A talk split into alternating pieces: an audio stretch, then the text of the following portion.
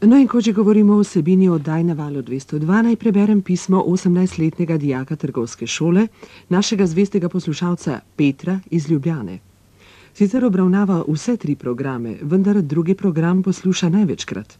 O njem je pisal takole. Bil sem vesel, ko ste ga v petkih, sobotah in nedeljah podaljšali še za pet ur.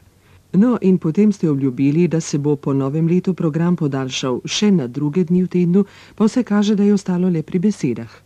Mislim pa, da so oddaje na valu 202 res odlične in z njimi ste dosegli veliko.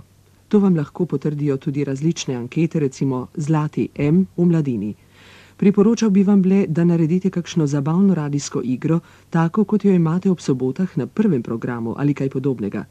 Zakaj bi nas pitali samo z glasbo, ko pa je tudi druga zabava? Saj me razumete. Ali ga razumemo, Vili? Mislim, da ga razumemo. To, da je lahko prav zanimivo tudi govorjenje, ne samo glasba, je ugotovitev, ki se ji najprej z veseljem pridružim, čeprav imam glasbo rad.